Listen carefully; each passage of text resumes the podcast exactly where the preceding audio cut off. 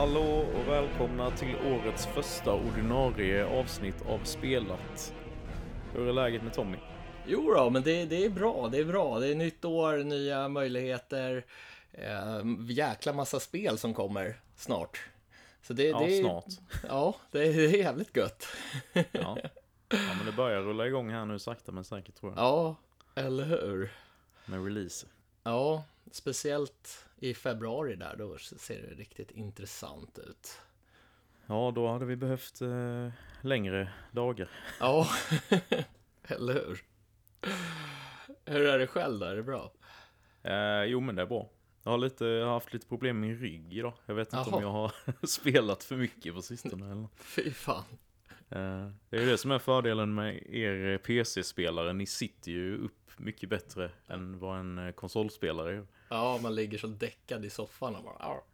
ja, men jag halvt ligger ju ner hela tiden på alla möjliga sätt. Så det är, ju, är ju inte bra för, för kroppen direkt. Nej, Sen ibland nej. Om, det blir, om det blir intensivt så ställer jag mig upp och ibland sitter jag jätte, jätterakt. Så ja, det är allt ja, möjligt. Ja, jag har någon sån här spelstol som jag försöker sitta i men man hamnar oftast i soffan till slut ändå. Precis. Det blir lätt så för man är bekväm. Ja, eller hur? Eh, om vi har några nya lyssnare som ansluter idag så är ju det här alltså en podd där vi är två killar som inte känner varandra sedan innan. Eh, och vi har, har lärt känna varandra kan man väl säga nu genom den här podden. Där vi har snackat spel. Och nu bara rullar vi vidare helt enkelt. Eh, ja. Vi lär ju fortfarande känna varandra mer och mer såklart men nu är vi inte helt främmande längre. Nej, nej, vi har väl skippat den här personliga frågan som vi hade tidigare där vi det kunde ju vara ja, fråga om vad som helst och som inte hade med spel att göra. Mm. Ja, det blev lite svårt att komma på efter ett tag. Ja, eller hur? Men eh, vi har ju ersatt den eh, grejen med att eh, försö försöka köra veckans lyssnarfråga istället. Och det har vi ju faktiskt ett gäng här nu så vi tänkte väl dra i alla fall en av dem här. Ja. Idag. Vill du eh, dra den kanske? Ja, eh, spel som vi har blivit besvikna på. Vilka spel som har liksom kanske varit så här riktigt peppade på innan, men som inte har levt upp till förväntningarna. Och eh, jag har lovat att inte prata om Halo något mer. jag har gjort det några gånger nu. Så jag ja. tänkte höra med dig. Har du några spel som du varit riktigt taggad på, men som inte riktigt har levt upp till de här förväntningarna som du har haft? Uh, ett väldigt gammalt minne jag har är uh, när jag var Oj, jag vet inte hur gammal jag kan ha varit. Men det var när uh, Nintendo 64 var högaktuell i alla fall. Ja. Så hade det kommit, eller skulle komma, ett spel som heter Yoshi's Story. Mm. Jag som jag tyckte såg fantastiskt ut för att jag älskade ju Yoshi's Island på Super Nintendo. Ja. Så jag eh, vet att jag fick spara pengar under väldigt lång tid för att kunna köpa det här spelet. Uh, och det var ju dyrt med spel redan på den tiden. Jag tror alltså det kostade nog 600-700. Uh, ja. ja, det var svindyrt med 64 spel och alltså alla de här spel på kassett var ju dyrt på den tiden, ja. känns det som. Ja, men jag tror att kassetter var dyrare att göra än ja. skivor också. Det går ju åt mer plast och grejer. Eller hur? Men eh, sak samma, så när jag väl hade sparat ihop de här pengarna då så åkte vi till, jag tror det var Toys R Us där vi köpte spelet, eller jag köpte spelet med mina föräldrar. Ja. Så kom jag hem, satte mig svintaggad och började spela. Bara, Åh, det här var, det här är riktigt kul. Men det var ju bara det att det tog slut samma kväll som jag startade. För det var ett väldigt, väldigt kort spel. Och det hade jag sparat till under större delen av ett år. Så, eh, ja, det var ja. lite av en besvikelse. Ja, segt. Alltså, det känns ju som förr i tiden, eller förr i tiden, men när, när, man var liten, inte hade så mycket pengar, då ville man ju verkligen att spel skulle, de skulle aldrig ta slut. De skulle vara mm. svinlånga. Precis. Nu får de gärna ta slut tidigare. Ja men lite så, nu har man ju lite mindre tid och så. Ja. Men eh, sen minns jag inte om det fanns direkt några collectibles så att man kunde spela mer eller jag tror inte det fanns så mycket omspelningsvärde så. Nej. Så det var ju bara, jaha, det var det. ja, för fan. Eh, men tyckte ja. du ändå att det var kul den lilla tiden du fick med det? Ja, det var det. Ja, Eh, Jag hade gärna velat spela om det nu på äldre, för jag har, aldrig, jag har fortfarande bara spelat det en gång. Okej. Eh, Jag tror jag fick lite avsmak där sen eftersom jag var så besviken då på grund av att det var så kort. Men jag hade velat se hur det håller idag. Ja, Har du något spel då? Som kommer i tankarna? ja, jag tänker på Final Fantasy 13. Mm. Jag var jättetaggad på det här och jag tänkte att det här kommer ju bli något fantastiskt. Eh, jag hade ju Första Final Fantasy-spelet jag spelade var faktiskt Final Fantasy 10, så att jag kom in i den här serien väldigt sent. Mm, Men- Det är samma för mig. Ja, ja. Och tian är ju faktiskt min favorit i hela serien. Sen om det beror på att jag, att det var det första så här, riktiga ja, mötet med Final Fantasy. Eller inte, det vet jag inte riktigt. Men, men det tyckte jag var grymt.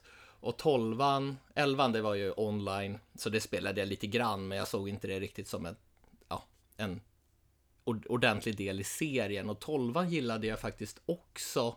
Även om den här remastern som kom var mycket, mycket bättre med, med jobben och sådär. Mm. Och så skulle Final Fantasy 13 komma. Och jag tyckte att det var så tråkigt. Det var absolut, alltså storyn var, jag, jag vet inte, jag kommer inte ens ihåg vad det handlar om. Och jag tyckte inte att karaktärerna var några speciellt intressanta och jag försökte komma in i det och sen så var det någonting med stridssystemet som gjorde att jag dog.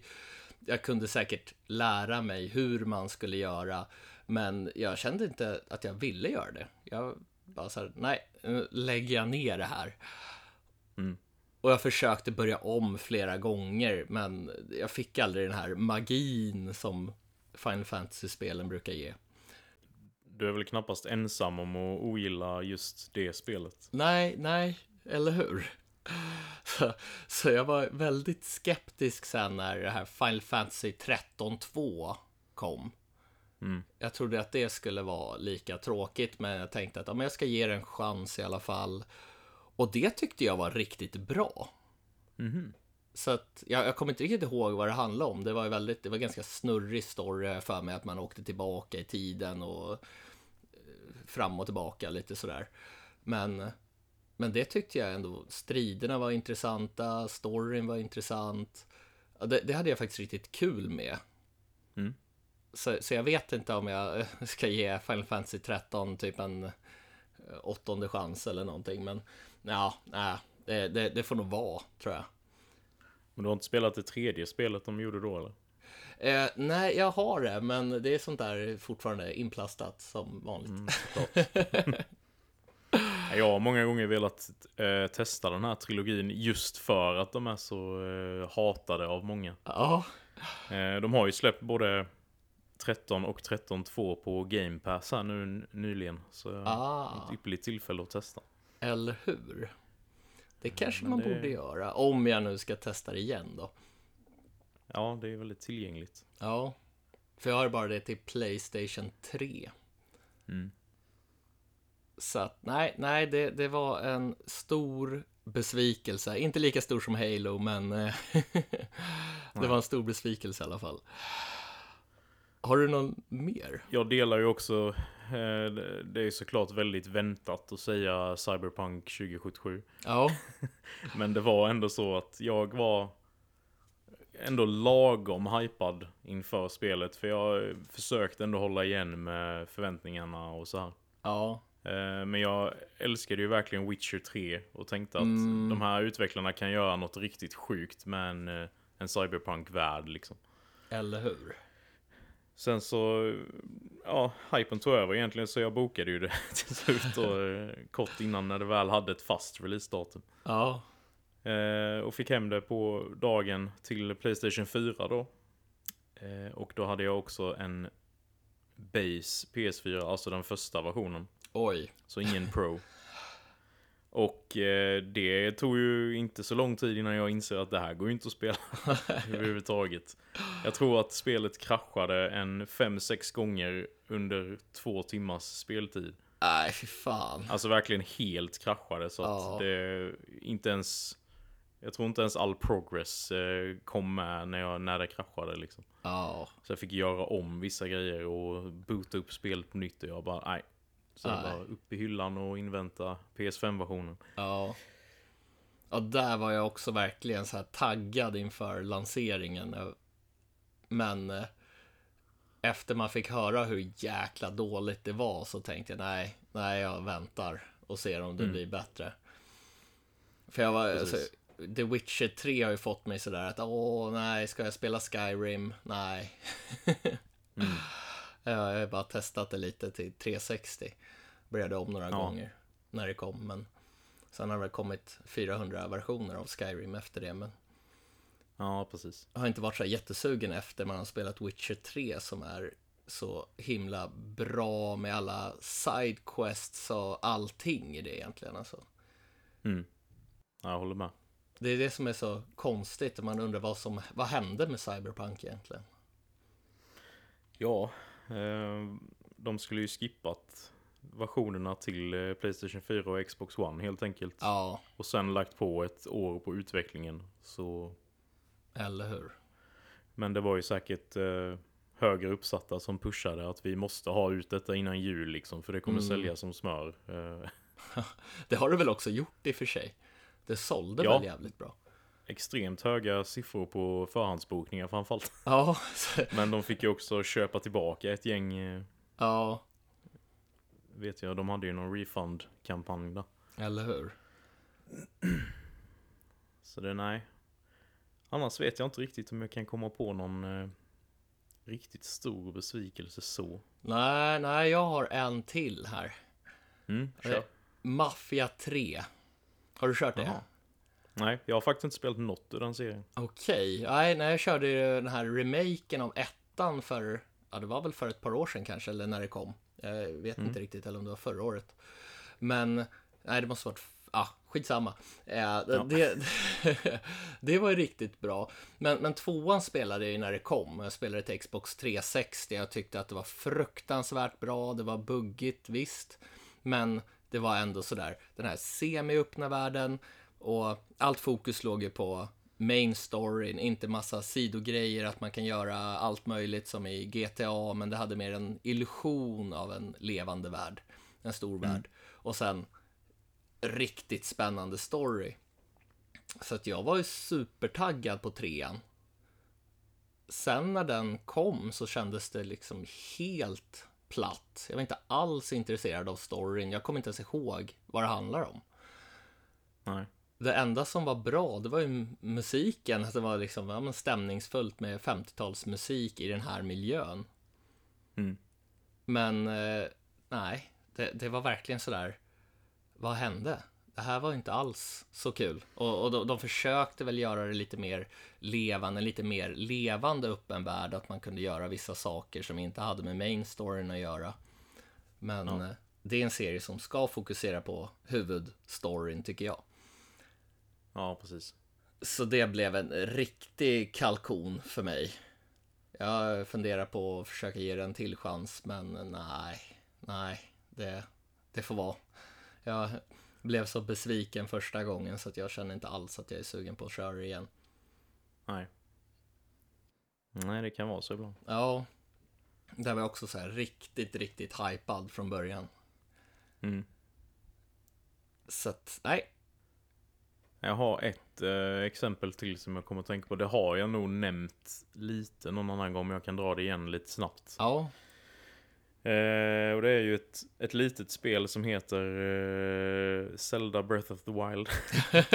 som Ja. inte, i, inte i sig är en besvikelse. Eh, men eh, ja, det här var ju flera års konstant hype från min del. ja, Och sen när jag väl hade det i handen och spelade det så njöt jag väldigt mycket. Men när jag väl var färdig med det så kände jag liksom mig inte... Jag kände mig inte mättad eller vad man ska säga. ja, okej. Jag kände liksom att jag hade en, eh, en Zelda-itch som inte hade blivit kliad, typ. Ja. Hur man ska beskriva det. Eller hur? Eh, och det är ju också, det gör ju väldigt mycket nya saker. Eh, som visserligen är jättebra och det ser man ju också på försäljningssiffrorna. Ja, Att det var rätt, helt rätt grej att göra och prova något nytt och inte köra samma gamla formula. Men, eh, ja, jag vet inte. Det, nej det var väl inte de här vanliga templen som, som jag gillar i Zelda. nej. Det är ju just att det är väldigt öppet och du har ju alla dina shrines som är liksom mini-dungeons. Ja. Som är bara ett till två pussel i princip. Eh, Men... Nej, jag, vill, jag, jag ska inte, jag ska inte basha mer på Breath of the Wild för det är ett otroligt spel. Men jag känner att den hypen jag hade inför det första Zelda i HD ligger fortfarande kvar och har liksom inte blivit förlöst eller vad man ska säga. Nej, nej. Men vi får se hur jag känner efter uppföljaren. Det kan ju vara så att det, det finns lite mer klassiska element där i så att jag verkligen blir åh, Ja, Men sen känner jag också att eh, för min del går det väldigt bra att gå tillbaka till de gamla spelen. Jag spelar ju igenom något Zelda lite då och då bara för att, för att hålla mig i schack nästan. För att det, det är så speciellt. ja, ja, jag är lite sugen på den här nya versionen av Skyward, Skyward Sword. Jag är sämst på uttal. Eh, För jag tyckte att det var väldigt mysigt, men eh, helt plötsligt så förstörde jag det med att gå och kolla guider. Av någon Jaha. konstig anledning. Jag ville ta alla hjärtan och så började jag kolla guider och sen så blev det jag fortsatte att kolla guider för pusslen. Jag frågar mig inte varför, för jag förstår inte det själv. Jag, men jag förstörde det verkligen med att kolla en guide. Jag, jag vet inte varför. Men det tycker Ibland jag. kan det ju vara svårt och har man väl sett facit eller haft i handen så kan det vara svårt att släppa det liksom. Ja. Eller Så hur? fort du kör fast då så blir det ju lätt att bara, ja men det var något om det i guiden och så kollar Ja. man igen. Ja, Men eh, Switch-versionen är jättebra tycker jag. Den borde du absolut ge en chans. härligt. Ja, då, då slipper man väl det här viftandet också. När man Ja. flyger. Det var lite, det är kul i början, men det blev lite irriterande sen. Mm. Det har sin charm tycker jag. Men det, jag kan verkligen förstå om man inte orkar spela med motion controls. Ja, ja. Jag, ja. Det funkar väl, men jag blev lite irriterad efter ett tag. Ja. Spelet blir ju lättare om man kör utan. Det kan jag ju definitivt säga. Okej.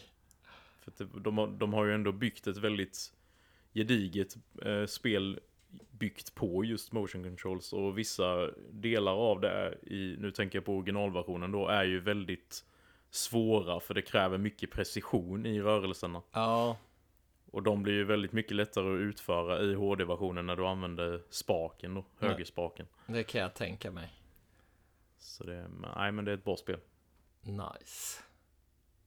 Eh, men nu har jag nog inga fler besvikelser på lager. Nej, nej, jag har säkert hur många som helst, men ingen som dyker upp sådär i hjärnan just nu. Nej. Då tycker jag vi går in på lite spelintryck istället. Jajamän.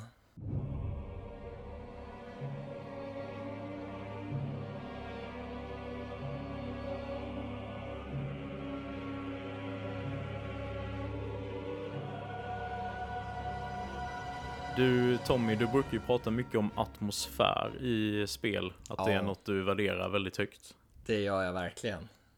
Eh, och jag har spelat ett spel här nu som har en otrolig atmosfär. Jaha, Som jag verkligen tror att du hade uppskattat. Nu Ja. vet jag inte om du redan har spelat det. okej, vad är det då? Eh, det är ett spel som heter Firewatch. Firewatch. Ja, du har nämnt det här för mig någon gång i förbifarten. Mhm. Har jag för mig. Kanske jag har. Eller så blandar jag ihop det med någonting. Vad, vad är det för spel? Jag känner inte riktigt till det, tror jag. Eh, nej, det är ju en, eh, en indie-titel då som jag har haft ögonen på i rätt många år. Jag tror det släpptes 2016, så det är ju ganska gammalt nu. Vad är det för till format?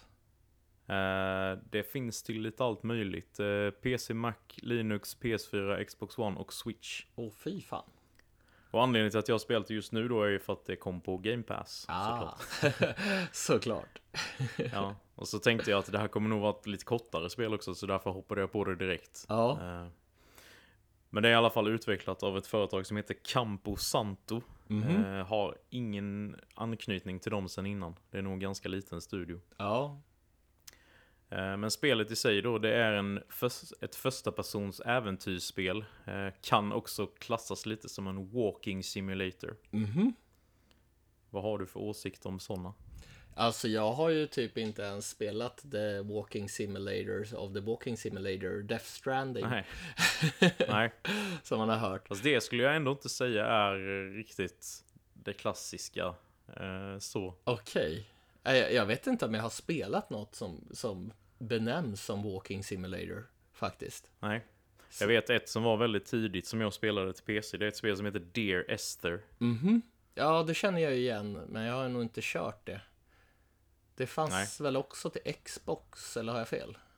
Eh, möjligt. Ja, Men det jag tänker på när jag tänker en walking simulator, det är ju egentligen att i stort sett den enda gameplayen du har är ju att du går runt och klickar på lite grejer och så utspelas ju en handling och dialog under tiden. ja okej.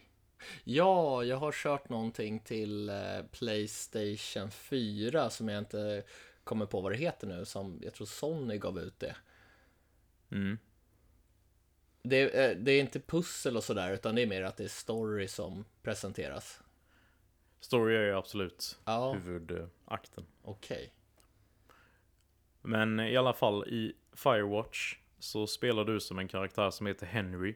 Och han, eh, han tar ett jobb som en fire lookout som jag inte riktigt vet hur man ska översätta. Det blir väl typ eldvaktare eller något sånt. Ja, Alltså att man sitter uppe i ett högt torn och kollar runt i en stor skog efter bränder och rapporterar dem så fort man ser rök. ja okej. Eh, han tar ett sånt jobb i Wyoming för att fly undan sitt lite stökiga liv kan, kan man väl säga. Eh, jag ska inte spoila för det är en väldigt stark inledning på spelet. Ja, Eh, och det utspelar sig på sent 80-tal, så det är väldigt härlig atmosfär redan där, som de fångat väldigt bra. Och när du är på det här jobbet då så har du konstant eh, kontakt med din handledare Delilah över en sån här komradio. Och de för ju då konstant dialog och i början så är de lite så här hon ser ner väldigt mycket på honom. Bara varför har du tagit det här skitjobbet? Har du inget liv? Eller och så här. Och han är lite dryg tillbaka och så här då. Men deras, eh, deras relation växer ju väldigt mycket under spelets gång kan man ju säga. För de pratar ju hela tiden. För hon är ju också fast ute fast på en annan, en annan station. ja, Så de båda är ju väldigt isolerade och då blir det att de pratar med varandra för att fördriva tiden. Eh, Men det första då uppdraget du får är ju att du ser fyrverkerier ute i skogen och det är ju olagligt då eftersom det är det utspelar sig på sommaren då och det är väldigt varmt och väldigt torrt. Så Ja. minsta lilla kan ju orsaka en skogsbrand. Så då ska man undersöka vad det är förmodligen för festande ungdomar som skjuter fyrverkerier. ja, Och eh, då beger du dig ut från det här tornet då och får gå runt ute i skogen i första person. Och det är ju... Det är egentligen det stora gameplayet är ju att du ska... Vad säger man? Vira sig ner för avsatser med hjälp av rep. Eh, haka sig fast och lite sådana smågrejer. Det är ju ganska väldigt basic gameplay men det är inte det det handlar om. Liksom. nej, nej. Eh, Men när man är ute då så skäller man ut de här ungdomarna. Bara ni får inte göra det, brandrisk och bla bla bla. Eh, Ja, Och sen så på vägen tillbaka då så stöter man på rätt så märkliga saker. Och eh, så kommer man tillbaka och pratar med Delilah om det då. Och jag kan inte säga så mycket heller för det jag kan inte, det är ju ett ganska kort spel så Ja. det, det händer ju grejer ganska snabbt. Men det är väldigt mystiskt och väldigt spännande eh, från ganska tidigt i spelet. det låter ju verkligen som ett spel som jag skulle gilla. Och, och Ja. nu, nu, nu eh, så vet jag, det var väldigt mycket snack om det här när det släpptes. Det fick Ja. väldigt bra kritik. Nu kommer jag på Mm, vad det var för precis. spel. Ja. Och, och jag var väldigt nära på att skaffa det, men det blev aldrig av. Mm. När det kom. Jag har varit nära på att köpa det flera gånger också. Ja. Eh, Men det har aldrig blivit av bara. Nej. Nej, alltså jag kan ju verkligen gilla sådana spel som har eh, bara fokus på berättelsen, men man får vara med lite grann sådär. Men det blir ju också väldigt starkt berättande i och med att ju mer konstiga grejer som händer så liksom pratar ju de med varandra över komradion och man, du får ju också göra mycket dialogval. Ja, Så du påverkar outcomes och sånt. okej, så man, det har ändå en del omspelarvärde, att det kan bli lite andra händelser då, eller? Eh, Jag vet inte riktigt om det finns olika slut på det. Eh, Det kändes som att vissa val kunde vara väldigt avgörande. Ja. Men det är inte så att det kommer upp att Åh, nu, tänk på vad du väljer här eller så. Nej. Så det är svårt att säga. Men eh, nej, det är otroligt bra. Ja. Rätt igenom tyckte jag. Okej. Om man gillar den här typen av spel då, eller kan tänka sig pröva det. Ja. Det är ju absolut inte för alla. Eh, har jag ju skrivit som lite minus här då att en walking simulator kräver ju det kräver ju att man inte måste vara stimulerad av själva gameplayet utan man kan leva sig in i atmosfären och storyn och berättandet och karaktärerna. Ja, det känns lite som typ en visuell novell när jag hör alltså hur, hur det fungerar. Ja, det är nog inte helt olikt. Nej, och det gillar jag starkt. Om den är bra. Det måste ju vara bra story såklart, men Mm. Men det tyckte jag verkligen. Det var ju detta, Ja. den här mystiken var verkligen så jag bara åh, jag måste, måste spela mer. ja. Eh, sen kan jag också tänka mig att eh, vissa skulle säga att det är för kort. Eh, det är ju runt fem timmar långt då. Ja, det känns, ja. Jag tyckte det var precis lagom. Eh, och jättebra pacing i handlingen också. Okej, ja, för det, det lät ganska, ändå ganska långt för en sån typ av spel. På något sätt. Ja, det är precis. Det finns ju säkert kortare Ja. i denna genren. Eh, men jag har satt, om jag ska betygsätta detta då så har jag ju satt full pott. Ah. Eh, jag kan verkligen inte komma på något utöver de här två grejerna då som egentligen inte berör mig. Nej, nej. Eh, något negativt, men positivt. Jättestark inledning. Eh, väldigt starka färger i spelet. Det är ju lite så här. Jag vet inte hur man ska beskriva artstylen, men den är ju... Eh, det påminner ju mycket om det här spelet. Ett annat sånt här äventyrsspel som jag recenserade här i podden, Call of the Sea. Ja, Det har ju i princip exakt samma artstyle. ja. Eh, så väldigt härligt, väldigt starka färger. Är det Eh, HDR? Skådespeleriet. Jag tror att det var HDR Ja, kompatibelt. nice. Eh, väldigt starka röstskådespelare eh, på de här två då. De är väldigt trovärdiga. Och handlingen återigen då, väldigt spännande, väldigt mystisk. Ja, Så ja, eh, toppenspel helt enkelt. För rätt målgrupp. det här låter ju verkligen galet spännande. Mm. Så, så här. Eh, och eh, gratis höll jag på att säga, men det ingår ju i Game Pass. Så det, det låter ju också trevligt. Det är lätt att bara Ja. testa, så när man märker att nej, men det var inget för mig, ja, men då har man ändå testat det. Så kanske man Precis. fastnar. Jag tänkte på det också när jag spelade detta att det, i och med att du har gått in på VR nu att Ja. om detta hade funnits i VR hade det varit kanon. Eller hur? Jag, jag tänkte precis på det. Mm. Det låter som ett så här perfekt upplevelsespel, eller vad man ska säga. Ja. Verkligen. Ja, Nej, och har man inte eh, ett format med Game Pass eller inte har Game Pass så kostar det ungefär 200 kronor. ja Sen får man väl avgöra själv om det är för mycket eller lagom eller så det, det låter ganska man ser på lagom det. ändå. Ja, Ja. Men ska man mäta gameplay per timme så kanske det är lite dyrt. ja, ja. Men det är ändå under 50 spänn i timmen, så att Just det. det är eh, ungefär en biobiljett nästan. Ja. Lite mer. Men, men i alla fall Firewatch, stark rekommendation från mig. Ja, gött. Nej, det ska jag, det ska jag kolla in. När jag, när jag skaffar Game Pass igen. Ja. Gör det.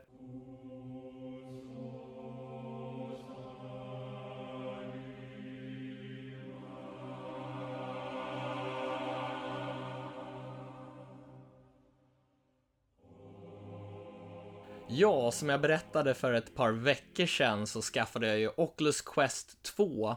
Och jag var ju, jag, jag skaffade ju Playstation VR lite efter det kom. Och jag var inte riktigt nöjd med det. Det är ganska låg upplösning, det är 1080p per öga. Här så har vi, jag tror att det var 1920p per öga på Oculus Quest 2. Om jag inte missminner mig. Och den är sladdlös, eller trådlös. Och det är någonting som jag märkte att jag verkligen gillar. För om vi säger som ett spel som Arizona Sunshine. Om man skulle spela det här till Playstation VR, då skulle jag nog snubbla. Eh, för man vill kunna titta bakom sig. Alltså man vill ju kunna snurra och röra på sig. Mm. I spel som till exempel Moss, ja men det, det kan väl funka ändå på, på Playstation VR. Det är ju en mus man kör med och det är lite man gör lite pussel och, och sådär, väldigt mysigt. Jag, nu har jag bara spelat demot till Playstation VR. Men i de här spelen där man ska röra sig så det, då är det verkligen perfekt om man kör trådlöst. Och mm. Oculus Quest kanske, den här tvåan, batteriet kanske håller i två timmar. Men om man vill kunna spela längre perioder i det trådlöst, då kan man bara köpa till en powerbank eller någonting. Antingen lägga i fickan eller spänna fast på headsetet eller någonting. Mm.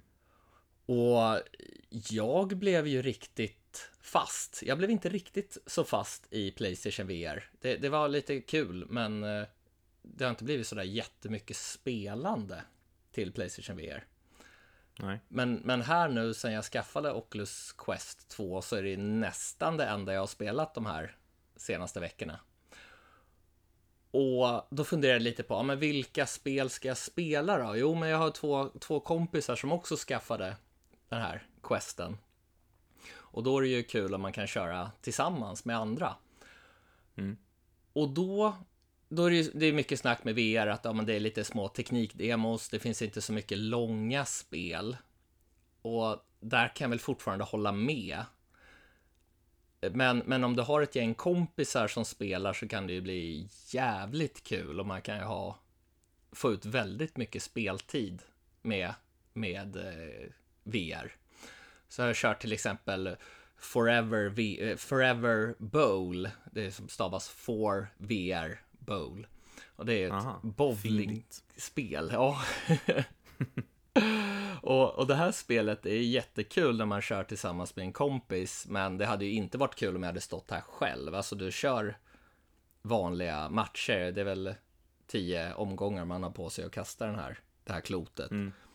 Och det kändes ju riktigt kul. Det har ju typ, jag vet inte om det är flera hundra eller över hundra bowlingklot som du kan låsa upp här. Och många av de här kloten ser väldigt häftiga ut i VR också.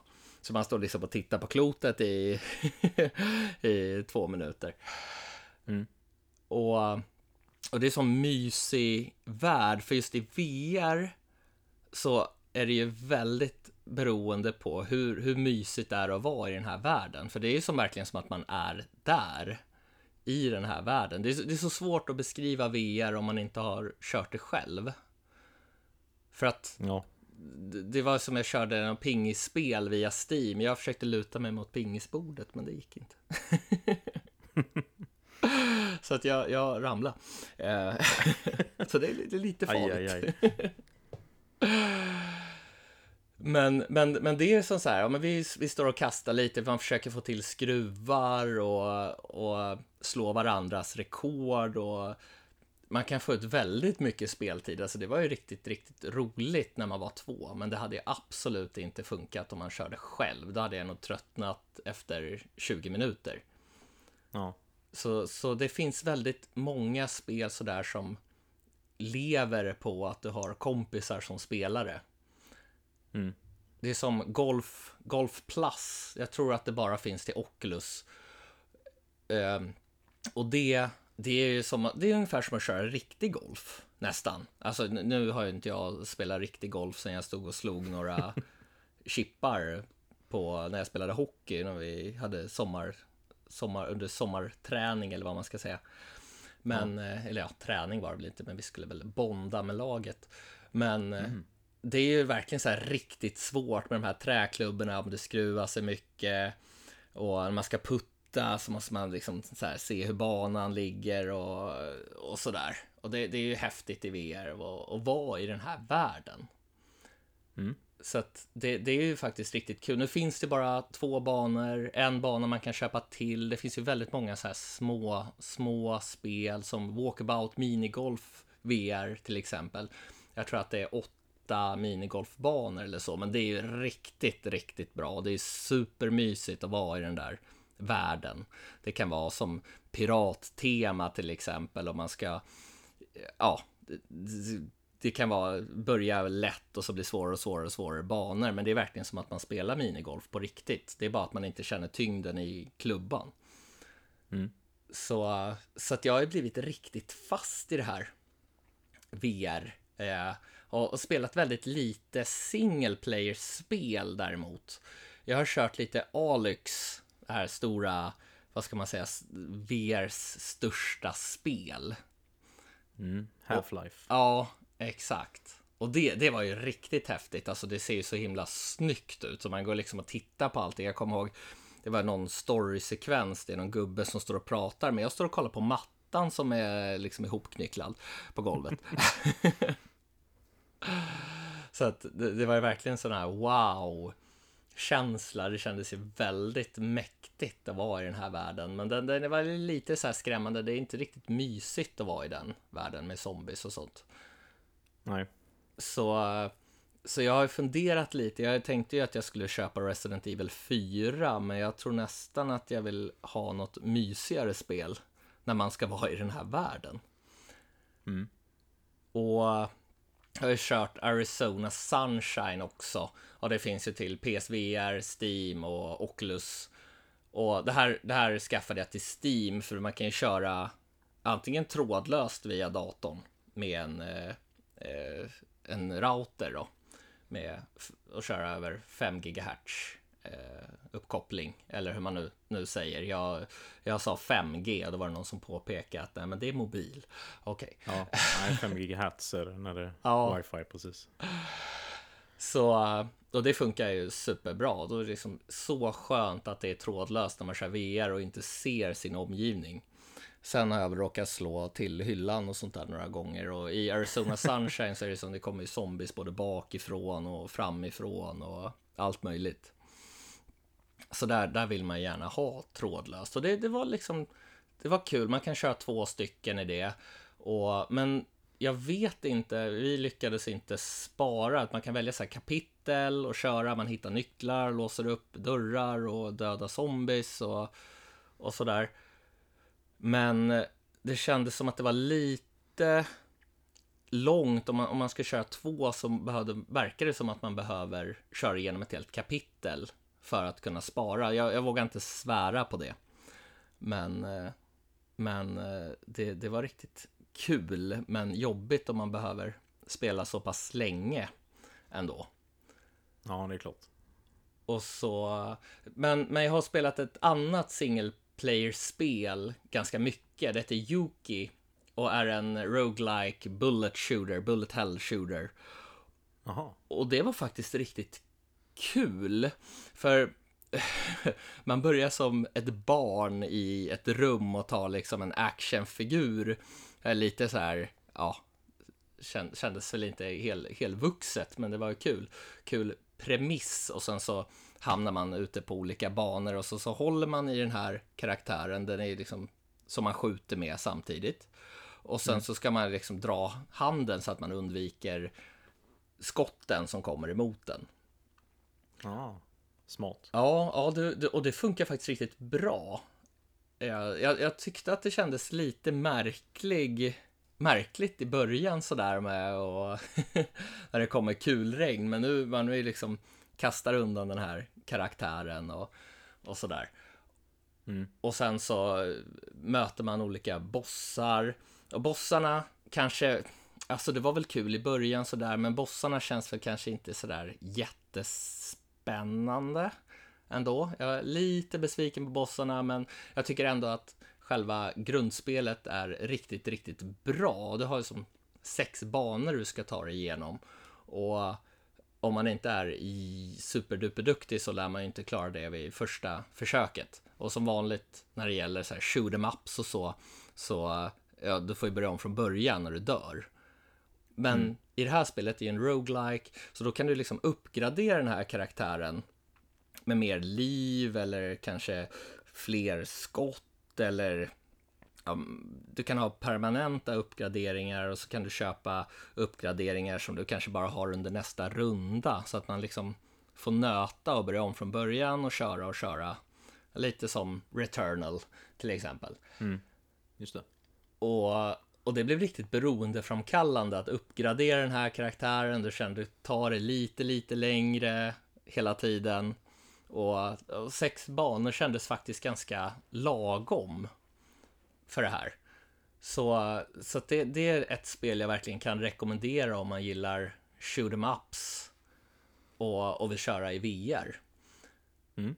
Och sen så finns det också en sån här endless, alltså att du bara kör ja, så länge du liksom lever och, och samlar poäng.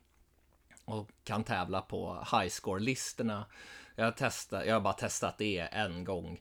Och då hamnade jag på 123 plats och kom väl inte så här jättelångt. Så att det, det är väl inte supermånga som har spelat det. Kanske. Nej. Men det är ändå en, en kul grej att kunna slåss mot andra i så här high score. Det låter spännande. Ja, så, så att jag har börjat med lite mindre spel och köra tillsammans med kompisar mest här. Och jag är riktigt nöjd och det får mig väldigt spänd på vad Sony kan göra med Playstation VR 2. Jag vet inte om du såg det att eh, det utannonserades spexen för, för den. Eh, det headsetet Jo. här om dagen. Det såg jag, men jag har inte kollat sådär jättenoga. Nej. Eh, För det är mycket av de här Mycket av de här siffrorna säger inte mig så mycket utan jag, jag behöver se det i praktiken. Eller hur? och där, där så är upplösningen lite högre än i Oculus Quest 2. Jag vet inte, alltså Oculus Quest 2 den är ju egentligen menat att du ska köra med bara headsetet och liksom kunna ladda ner spel i headsetet. Men du kan ju också koppla den till PCn och få bättre grafik. Och, men den är trådlös och Playstation VR 2, den är ju inte trådlös utan du kommer ha en kabel. Och det känns lite synd att man inte kan köra trådlöst. Det är ju väldigt många nu som jag har sett snacka kring det här. Ja, men det bara, vad gör det då? Att man bara har en kabel istoppad.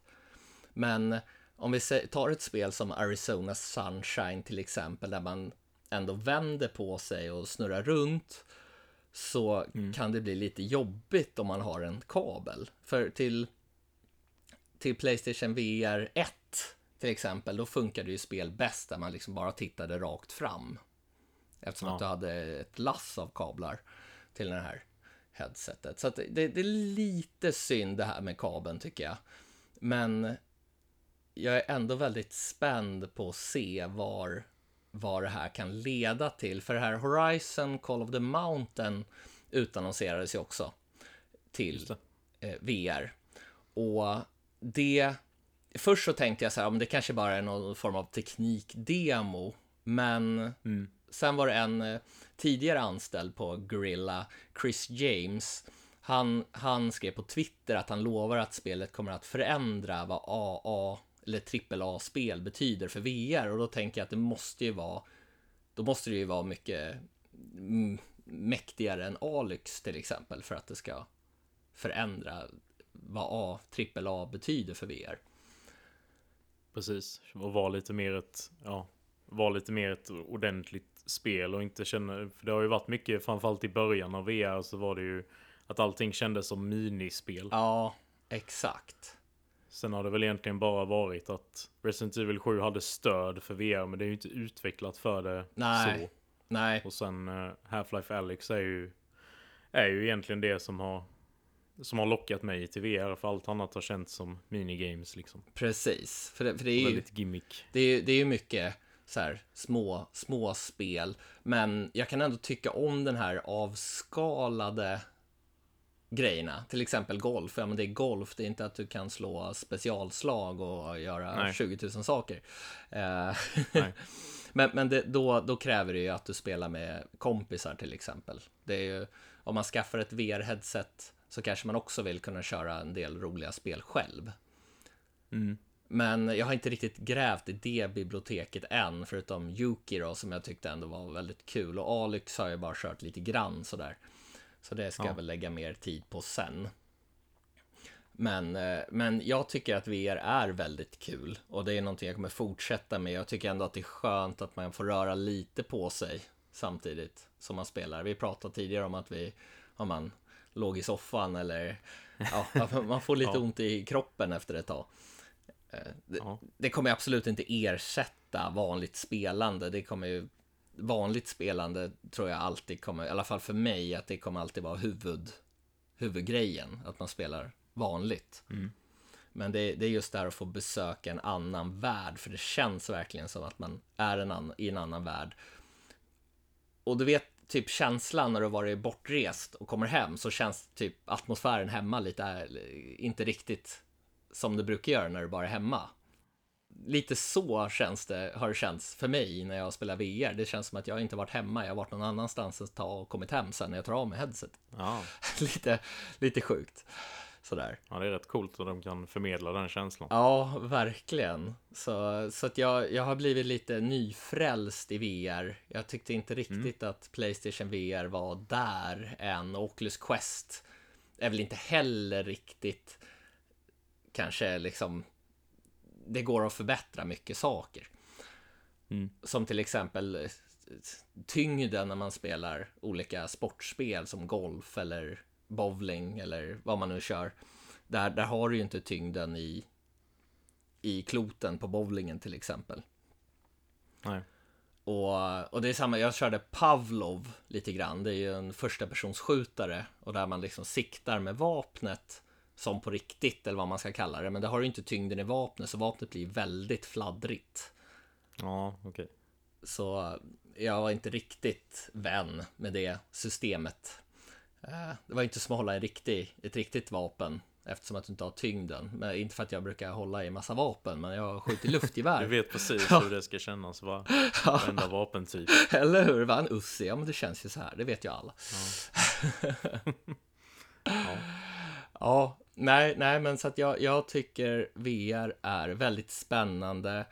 Jag vill ha, ja men som så här gamla peka och klicka äventyr skulle ju verkligen passa det här perfekt, känner jag. Mm.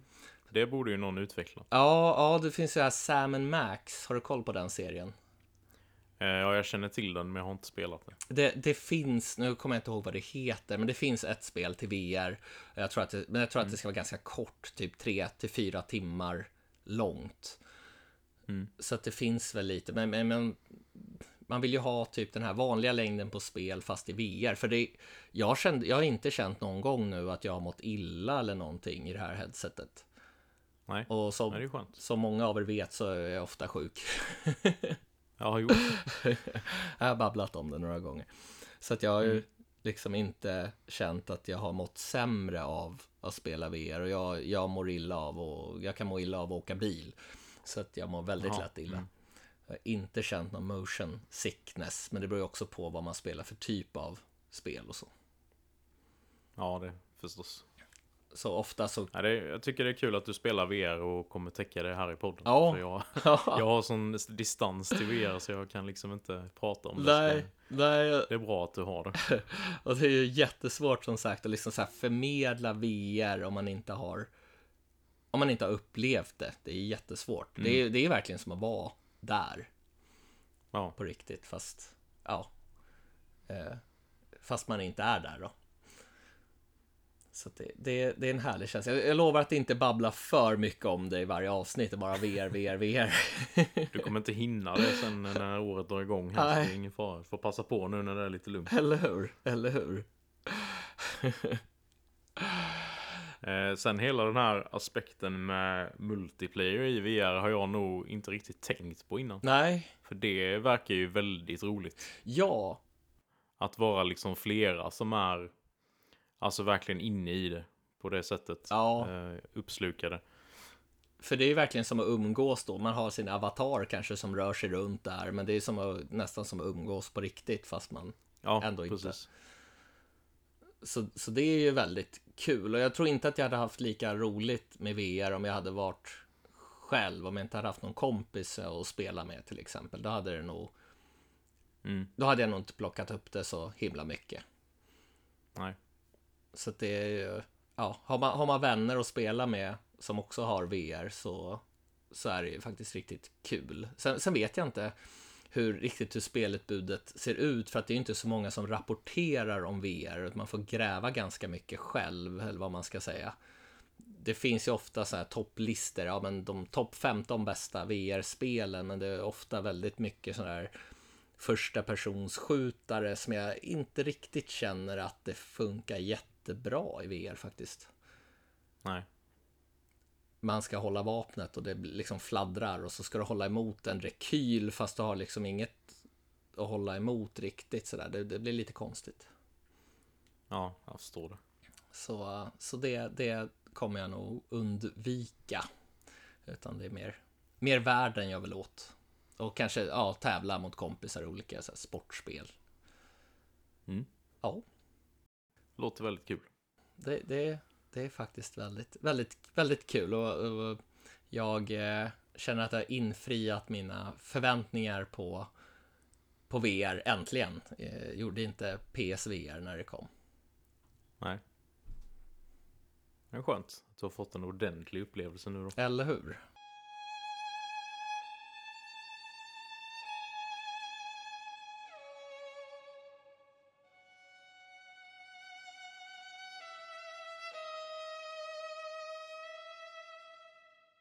Jag vet inte om jag har nämnt i eh, podden här innan, men jag har ju klarat eh, Sekiro Shadows Die Twice nu. Nice. Och det var en väldigt härlig känsla. Ja, Att gå från ett, att man har känt att det här, det här spelet kommer jag aldrig kunna klara av, till att eh, plocka upp det igen ett år senare och ja, ta det, ta sig igenom det helt enkelt. Ganska, visst det har ju varit, jag har ju kört fast många gånger men det har ändå inte varit så frustrerande svårt för mig. nej. Nej, nej, för du var ju helt fast där efter andra bossen va? Första gången du körde. Mm, Och sen när du tog dig förbi den, det måste ju ha känts som en befrielse. Ja, men då kände jag verkligen att jag kan det här spelet nu. Ja, Nu ska det, nu ska det ner liksom. eller hur? Eh, och, lite den känslan hade jag ju i Bloodborne också. Där satt jag ju fast på första bossen hur länge som helst och gav upp snabbt. Plockade upp det flera år senare. Tog mig förbi Ja. den och sen bara sprang jag igenom det i princip. Ja, Eh, men eh, ja, det har hjälpt väldigt mycket också i Sekiro att jag har haft min kompis Viktor som har spelat det samtidigt och vi har varit typ lika långt hela tiden. Okej. Så det har varit skönt att kunna bolla så här lite strategier och lite Ja, har du, har du hittat det här och det här och missa Ja. inte det där och så här så det Ja, sånt brukar vara riktigt kul också. Man kör, Mm. även om det är single player-spel så blir det lite socialt i det hela. Man kan diskutera. Precis Det blev nästan som en daglig update med vad man har gjort för progress och så, här. Ja, så det, ja, det har varit nice ja, Men eh, ja, efter Sekiro då så kände jag ju mig inte riktigt mätt på From Software och det var lite för långt till Elden Ring. Ja, Så jag har bestämt mig för att ge Demon Souls en andra chans aha, till eh, Playstation 5 då. Okej. Jag hade ju lite samma problem i detta då att jag eh, köpte ju detta rätt så tidigt till när jag väl hade fått tag på en PS5 då. Ja, Och eh, tror inte jag körde fast på någon viss boss eller så men jag tyckte bara att det var väldigt svårt att komma in i. Och ja, jag orkade bara inte just då. Eh, men sen har jag min kompis Robin. Han spelat detta och hyllat det väldigt, väldigt mycket och sagt flera gånger att du måste verkligen ge det en andra chans liksom. ja, Så nu till slut fick det bli så. Eh, så jag började om Härligt. från början. Eh, och det tyckte fortfarande att det var ganska svårt att komma in i. Men eh, mycket av att eh, parera och sånt här hade jag ju fått med mig mycket från Sekiro. Eh, så jag var ju väldigt kom- kompetent på det planet. ja, Så det gick lite lättare. Men kom in i det till slut och efter ungefär halva spelet tror jag så började det verkligen att släppa och det började rulla på många Ah, bossar som började gå ner på första försöket och så här. Och då är det liksom härligt när man känner sig som en riktig mästare på spelet. ja. Och man känner sig så jävla duktig när man klarar bossarna i de här typerna Ja. av spel. Men verkligen. Eh, men jag tänkte dra lite om spelet i alla fall. Demon Souls. Ja, Det var ju en eh, lanseringstitel till Playstation 5 i november 2020. Och det har ju bara släppts till Playstation, just Demon Souls. Och detta är ju en remake av eh, uh, Demon Souls till Playstation 3 som kom 2009. Uh, eh, utvecklat av From Software då, som också har gjort Sekiro och Bloodborne som jag nämnde innan. De är väl mest kända för sin Dark Souls-trilogi dock. Uh, men själva remaken då till Playstation 5 är utvecklad av Bluepoint Games, men det är publicerat av Sony. Och har man ingen koll på vad det här är för spel så kan man ju säga att det är ju ett actionrollspel i tredje person som är väldigt, väldigt utmanande. Kan man väl minst sagt säga. Eh, och du spelar ju, det är, så, det, är så, det är väldigt luddig story i de här spelen och det är väl inte riktigt därför folk spelar heller.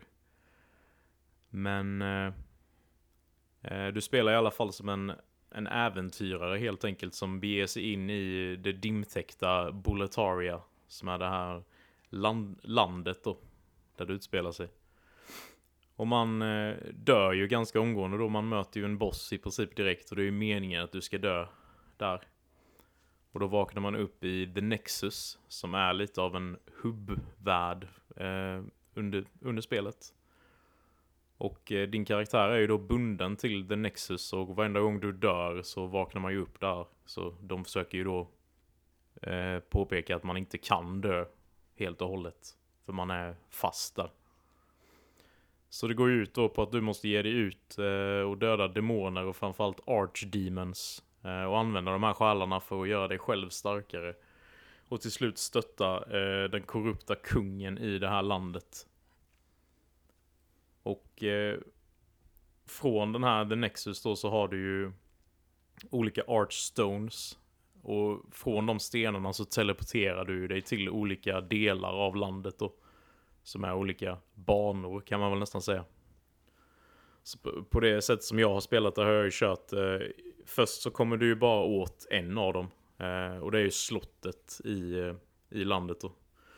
Och när du väl har klarat två Ja, det är först en liten boss och sen en huvudboss där då. Då kommer du åt de andra världarna och då kan du välja vilken ordning du vill, helt enkelt. Eh, men då har jag kört den approachen att jag har kört en bana tills jag har klarat en boss. Sen har jag bytt bana och kört den banan tills jag har klarat en boss och sen har jag bytt. Och så har jag kört första bossen i varje bana och sen andra bossen i alla banor. Och så vidare. Jag tyckte det var en väldigt skön approach. Och då fick man rätt så bra variation också. Ja, och sen är det ju de här eh, souls får du ju helt enkelt när du dödar både vanliga fiender och bossar. Och de är ju allt. Eh, du använder dem för att levla upp, uppgradera vapen, laga din utrustning och till att köpa items. Så du får ju både eh, souls direkt till dig när en fiende dör. Men du får ju också sådana här drops. Som är som en, en klump med själar helt enkelt som lägger sig i din inventory som du kan använda så får du jättemånga själar direkt eh, i din currency. Så de kan ju vara bra att spara tills man är i The Nexus och har tänkt eh, göra något som kräver mycket souls.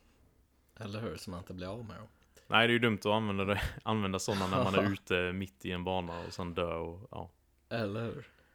Och sen är det ju det klassiska de har då är ju att om du dör så blir du av med alla dina souls. Men om du lyckas ta dig till där du dog så kan du få tillbaka allt det. Men om du då dör innan du har fått tillbaka dina souls så är de borta för alltid. Och det har de ju kört i alla sina spel. Ja. Så det kan ju vara väldigt frustrerande. Såklart. Ja. Men också väldigt... Ja, det det är en bra grej och, som kräver fokus. Ja, det känns som att man liksom får acceptera att man kommer bli av med själar. Att man inte kommer liksom få behålla alla man får.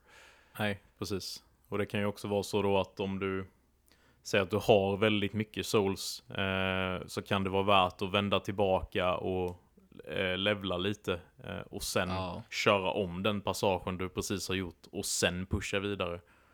Så att du inte Eller... blir av med souls som hade gett dig en till tre levlar. Ja. Bara för att man är ivrig och vill se vad nästa steg är. Eller hur?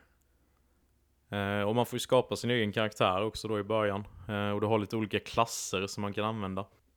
Jag har ju kört den här Royalty då, som eh, sägs vara lite av ett easy mode för, för mhm. spelet. För jag har tyckt att det har varit utmanande nog som det är. Ja. Eh, och grejen med den här royalty-klassen då är ju att du har en, eh, en magi redan från start. Så att du kan skjuta spells på fiender från avstånd. Så att du kan hålla avstånd och då slipper du ta skada. Och det underlättar ju enormt än om du bara hade kört närstrid. Ja. Eh, och sen har jag ju uppdat- uppdaterat mig med främst magi under spelets gång, men också haft så att jag kan skada rätt mycket på nära håll också. Men det är så svårt att balansera. Eh, för varje gång du levlar så väljer du ju en stat där du sätter en poäng för varje Ja. level. Och det är så svårt att balansera, för man vill ju inte sprida ut det för mycket heller, för då pikar du ju inte i någonting. Nej. Men samtidigt så vill du inte ha för lågt i någonting heller. Så det, ja, det är väldigt mycket man får tänka igenom det. Och jag tror inte att det finns någon respec i, eh, i detta spelet heller. Nej, det gör det inte va? Det, det minns inte jag heller att det var. Nej. Sen så väljer man ju i huvudmenyn då om du vill spela online eller offline. Eh, spelar du online så kan du eh, det har ju hjälpt väldigt mycket också för att eh, andra spelare kan ju lämna så meddelanden på marken som du kan läsa som kan vara tips och varningar eh, om fällor och ja, inför bossstrider och så här. Men de Ja. kan ju också vara, de kan ju också ljuga så det, det har ju också hänt att man bara, ja ah, men testa att hoppa ner för det här stupet. Och så, så gör man det och ångrar sig. Men då kan man ju också rösta på de här meddelandena, att, antingen att man röstar upp eller röstar ner då. Och jag tror att är de för mycket nerröstade så försvinner de. Ja. Så man får kolla lite hur många upvotes den har innan man väljer att lita på ett meddelande. Eller hur? Och likadant om du är, om du är online då så kan du ju bli invaderad av andra spelare som då är ute efter att döda dig. Vilket är väldigt frustrerande.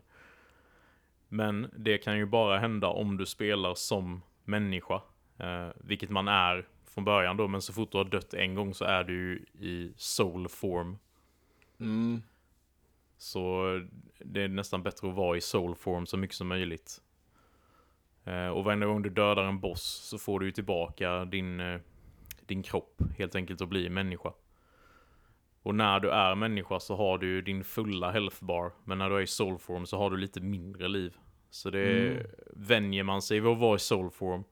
Så kan man ju då bli människa inför bossarna för att ha lite extra förutsättningar.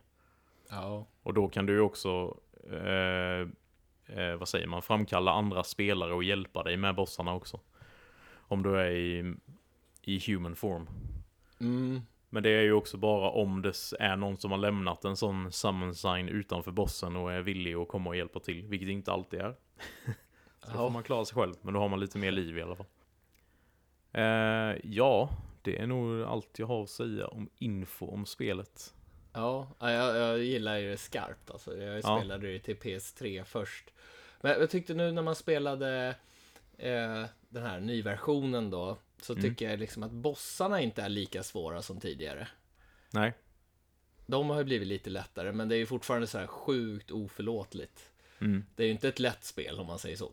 Nej, det är det ju inte. Och då har jag ändå, för jag, jag kollade upp någon sån här lista typ med From Softwares, vilket är svårast, eller så här rangordning efter svårighetsgrad. Ja, Och det är många ändå som säger att Demon Souls är bland det lättare. ja, Vilket jag inte vet om jag kan hålla med om. För jag Nej, okej. tycker att det är sån himla uppförsbacke att komma in i detta liksom. ja. Ja, ja, jag har ju alltid haft problem med Demon Souls och Dark Souls-spelen till skillnad Mm. från Bloodborne och eh, nu har jag glömt bort vad det heter. Jag vet ju exakt vad det heter. Jag höll på att säga Nier, men det är helt fel. Neo. Eh, det, en, eh, ja, precis. Ja. Precis. Och, och tyckte att de har varit lättare än, Ja. Än de här spelen. Så jag har alltid haft problems Mm, här. Nej, för jag har, jag har skrivit det som ett litet minus eh, från mitt håll då. För jag tycker inte att detta är perfekt, detta spelet. Eh, Nej. Det är, det är väldigt klumpig combat. Och det är klumpigt rörelse och hur man rör sig. Så det, det tar tid att anpassa sig till. Ja, ja, för det känns ju som att det är grafiken de har uppdaterat. Det är, själva spelet känns ju som, som det här gamla till Playstation 3. Ja, det är nog väldigt troget originalet där. eh, Ja, Rent mekaniskt. Men sen är det ju som du sa med att bossarna är ganska lätta. Jag tycker ofta att vägen till bossen har varit mycket, mycket svårare än själva bossstriden. Ja. Vilket eller kan kännas lite antiklimax, men kan också vara rätt skönt ibland när man har strugglat som fan för att ens komma dit. Ja, eller hur? Och sen så Eh. lyckas man ändå ta den där bossen när man har kommit dit också. Nej, precis. Jag vet, det var ett ställe som jag tror, jag tror det heter Ritual Path. Mm. Där man ska, jag vet inte om du kommer ihåg det, men man, man springer ju Du är ju typ på en ö som ligger ute i havet Eller det är hav vid i alla fall, så springer du längs med klippor Där det är flygande fiender som skjuter på dig Samtidigt som du ska ta ner Ja. fiender som är på marken Det känner jag igen, det var nog ganska bökigt. Japp, och så är det sjukt långt eh, att Ja. ta sig till bossen Så det var, aj jag höll på att brista där Ja, Eh, bristningsgränsen har ju varit nära många gånger under tiden jag har spelat. Inte riktigt lika mycket med Sekiro, för där, där kändes det mer rättvist. Eh, många Ja. gånger, och mer liksom väldesignat. ja. På något sätt, det var som fingertoppskänsla i, i gameplayet och bossarna och i miljöerna. Medan i Demon Souls så är det så här onödigt svårt ibland att de bara Jaha, tyckte du det här var svårt? Ja men här kommer två fiender till här runt hörnet. Så du, Så det är verkligen som att de är ute efter att trycka ner det i golvet liksom. Men det var ju också där, det här var ju mer nischat när det kom. Det var ju inte för... Det var ju inte gjort för den stora massan, utan... Men det blev Nej. väl väldigt populärt ändå, men, men fortfarande väldigt nischat. Ja. Jo, det var ju sen med andra spelet som de verkligen eh, nådde ut till bredare publik. Ja, Eh, detta var ju mer hyllat av kritiker och en nischad publik tror jag. ja. Ja jag kommer bara ihåg första gången man hittade så här en genväg till en sån här, vad ska man säga, sparpunkt eller ja, där du kan liksom levla upp och sånt. Eh, det var ju bara en fröjd och bara yes! Ja, Det här precis. genväg hit. Mm, sjukt Behöver man inte gå så långt när man kommer, ska dit igen. Och det var det också på vissa av banorna som den jag nämnde här innan. Där fanns det ju ingen genväg överhuvudtaget. Medan det på andra då, där det har varit mycket kortare rutt, har det funnits en genväg också. Ja, Så det var lite så här obalanserat eh, på något sätt. eller hur? Och, och sen gillar jag också hur de använder dual sense-kontrollen här med. Mm. Eh, man känner typ ett eldklot som går igenom Precis. och sådär. Det är en skön, skön känsla, skön detalj. Ja, de använder ju högtalaren i handkontrollen mycket också. Ah, den har jag fan alltid haft avstängd, så det, Jaha. Mm. det borde jag sätta på. Ja, jag tyckte det gjorde väldigt mycket när man gjorde typ som en parry då, så verkligen hör du i handkontrollen hur du för svärdet in genom fienden och verkligen bryter sönder Okej. insidan av dem. så det blir väldigt mäktigt. Ja, Eh, men det jag tänkte säga var att jag kan tycka att det är lite för mycket customization på sin karaktär i Souls-spelen. Att Ja. jag hade nästan velat ha det lite mer Jag vill inte säga linjärt, men att man är lite mer låst med Du har det du har. mm, Eh, för det är så himla mycket, du har ju fruktansvärt många klasser att välja mellan. Och du har väldigt många stats att sätta ut poäng i. Och sen har du en miljon olika vapentyper och massa Ja. olika armor och grejer. Så det blir, ju, det blir ju typ att du hittar ju ändå din favorit och kör med den genom hela spelet. Det blir liksom inte Åh, nu hittar jag en ny sköld som är bättre än den jag har. Utan då Nej. blir det ju istället att man uppgraderar den man haft från början. Och jag hade hellre velat ha en mer fast progression då. På det Eller sättet. Eh, Sekiro hade ju, nu återkommer jag till det igen, men där, där är det ju lite mer Du kan ju inte customisa din karaktär utan där spelar du ju som en, en fast roll i en berättelse. ja, Medan här är du ju bara en i mängden, känns det som. En nobody. Som du Mm. helt, helt bestämmer hur den ska vara. Och det är väl Ja. säkert jätteuppskattat av många, men ja, jag vet inte. Det blir lite så svårt att, att välja tycker jag ibland när man får för många valmöjligheter. För min del blir det lätt då att jag eh, kastar mig ut på nätet och börjar kolla efter typ Ja. tips och grejer. För det är så him- jag, jag får ju panik när jag inte vet vad jag ska välja. Eller hur? För jag är så himla rädd när det är så här fasta val, typ som klassen i början. Då är jag bara, jaha, vad ska jag ta här då? Eh, Ja. Någon klass kommer ju göra det betydligt svårare för mig förmodligen. Ja, Och sådana grejer. Ja, det, det förstör ju också lite. Alltså det, det är ju bra att man kan få hjälp, men det blir också lite det här med Ja, vad ska man säga, illusionen av världen blir lite förstörd när man behöver gå ut och kolla guider och sånt där. Mm. Precis. Ja, guider har jag inte kollat rent så, utan det är ju just med hur ska man tänka när man späckar eller så här. Ja, Och, vilk, och vilken startklass jag skulle använda då. ja, Och så var det lite sådana beginners tips tror jag jag kollade också. Men eh, sen har jag kört på egen hand, jag lovar. ja, Eh, men det jag har skrivit som starka plus då, eh, det är ju att bossarna är väldigt häftiga. Framförallt några stycken som jag inte vill spoila för de som inte har spelat Mm. spelet. Och sen de här sjukt mäktiga filmsekvenserna innan bossarna är nästan det som jag går igång mest på. Mer än själva striden. För det blir alltid så sjukt episk musik och hur de presenterar bossen när den Ja. kryper fram och allt vad det ja, det blir som så här, shit, ska jag slåss mot den här? Ja, men eller hur. Eh, och sen har jag skrivit grafiken är ju otrolig. Eh, Ja. Det visar ju verkligen vad PS5 man går för. Sjukt Eller bra hur? lanseringstitel. Mm, så här, redan säga. där så man får en liksom så här, riktigt kraftfull titel, Ja, rent grafiskt. precis. Och sen skrev jag också som du sa där med DualSense-kontrollen är väldigt bra implementerad. Ja, Och så har jag skrivit att det är häftiga miljöer. Eh, De flesta av dem, vissa hatar man. ja, Vill aldrig se igen i princip. Vissa känner man att man gärna hade återvänt till. Eller hur? och smugit runt. Och till sist då att det såklart är utmanande men belönande. Ja, För det är ju, det är ju verkligen något särskilt när man antingen då kommer vidare efter man har suttit fast i ett sånt här spel eller när man verkligen har klarat spelet. mm, Det är ju Eller inte hur? likt något annat, den känslan. När man vet Nej. hur jobbigt det har varit. ja, Och man också vet att det är många andra som inte äh, klarar av det alls. ja. Så kan man känna sig stolt. Typ. Alltså jag spelade till Play Playstation 3. Det tog väl hur lång tid som helst för mig att bara komma dit där jag började kunna levla min karaktär. Ja. Jag dog och dog och dog och dog och dog. Precis.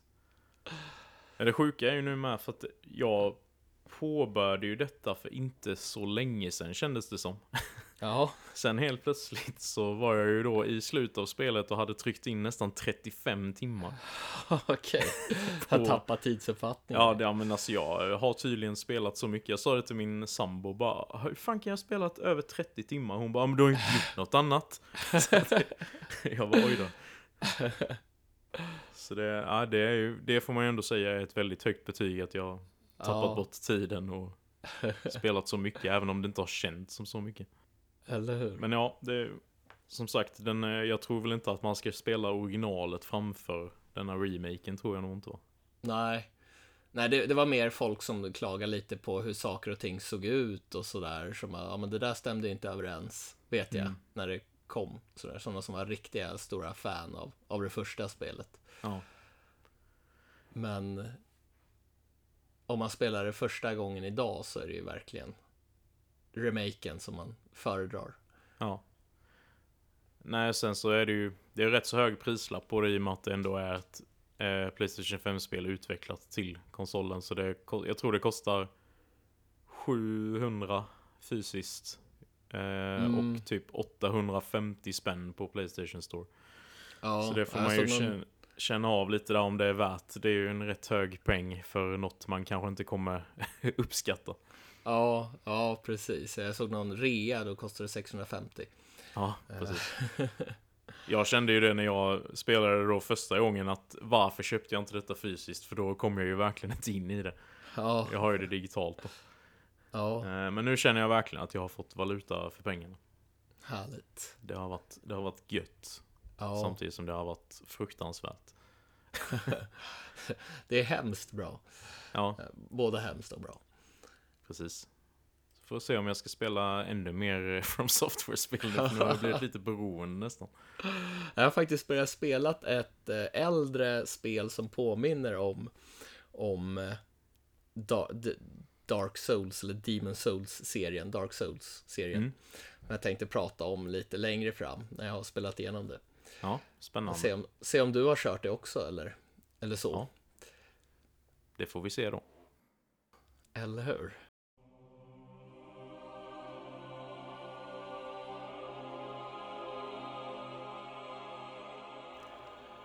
Ja, Dennis, har du några releaser den här veckan att dela med dig av?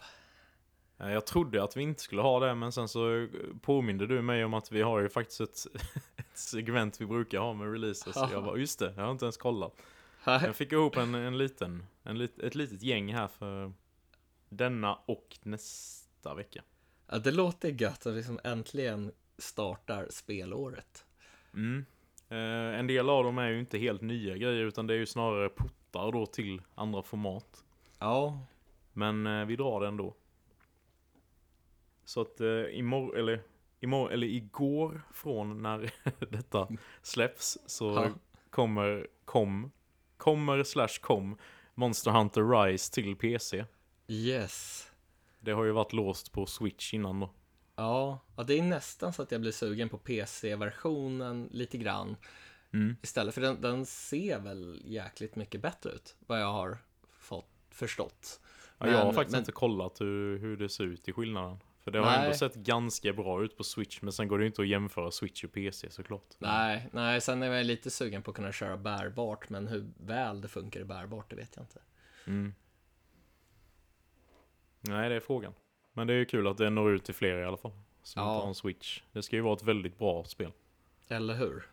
Sen den eh, 13, samma dag som detta släpps, så kommer ett spel som heter Astroneer till Switch. Som är släppt till andra format innan.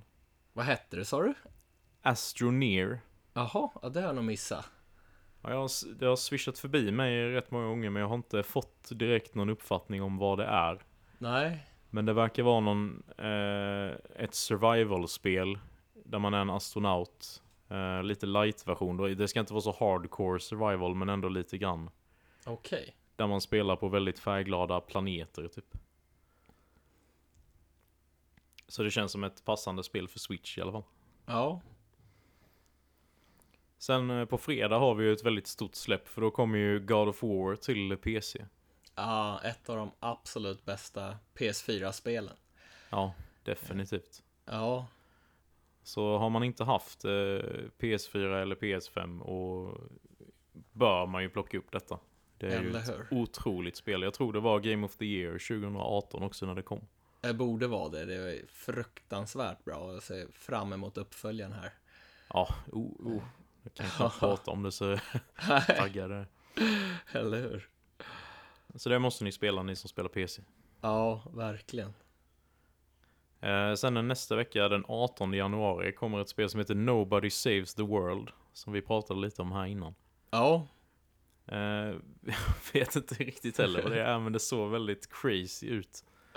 Eh, det påminner lite om Hades i gameplayet och perspektivet, men lite mer tecknad artstyle och mycket galenskap.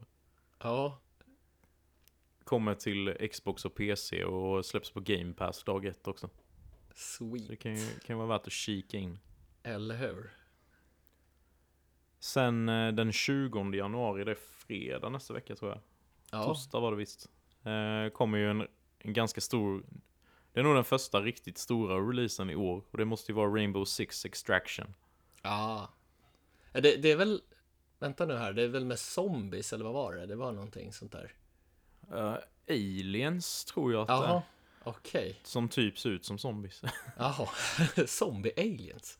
ja, men det har ju varit lite rörigt kring det här spelet. För det ha- hade ju ett annat namn. Det skulle heta Rainbow Six Quarantine först. Men det fick ju Ah. byta namn av Because Reasons. Ja, ja, Det var väl inte så precis. passande namn kanske. Nej, Eh, men det kommer till PS5, PS4, Series X och S, Xbox One, Stadia och PC. Och de gick ut väldigt nyligen att detta skulle komma på Game Pass dag ett också.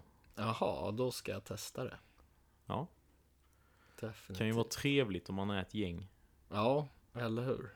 Eh, Rainbow Six Siege har ju varit väldigt stort. Jag testade bara det i en beta innan release. Tyckte det var helt okej. Jag gillade Ja. idén med det men jag kom inte in i det under betan. Men, Nej, nej, jag har försökt börja flera gånger, men det har blivit sådär att nej, men vi är inte tillräckligt många, man vill helst ha ett helt lag när man kör och fattar inte riktigt det här med de olika karaktärerna, de kan göra olika saker och, och sådär. nej, Så jag har inte riktigt kommit in i det eller orkat lägga ner den energin. Men, men lite sugen ganska ofta. det var eh, allt jag hade. Ja, Och så når ni oss på sociala medier. Vi har ju Facebook och Instagram. Och ni kan ju nå oss via mail också, spelat podcast at gmail.com och ni får jättegärna gå med i vår Discord-kanal där vi har, ja, vi har haft väldigt mycket diskussioner nu, känns det som. Mm. Det var väldigt kul och tre, trevligt, riktigt trevligt folk. Så ni får gärna gå med där och hänga med oss och snacka. Precis, stor cred till er som hänger där ja, och verkligen. snackar. Det är riktigt trevligt. Det är jättetrevligt. Men tills eh, nästa gång. Spela massor.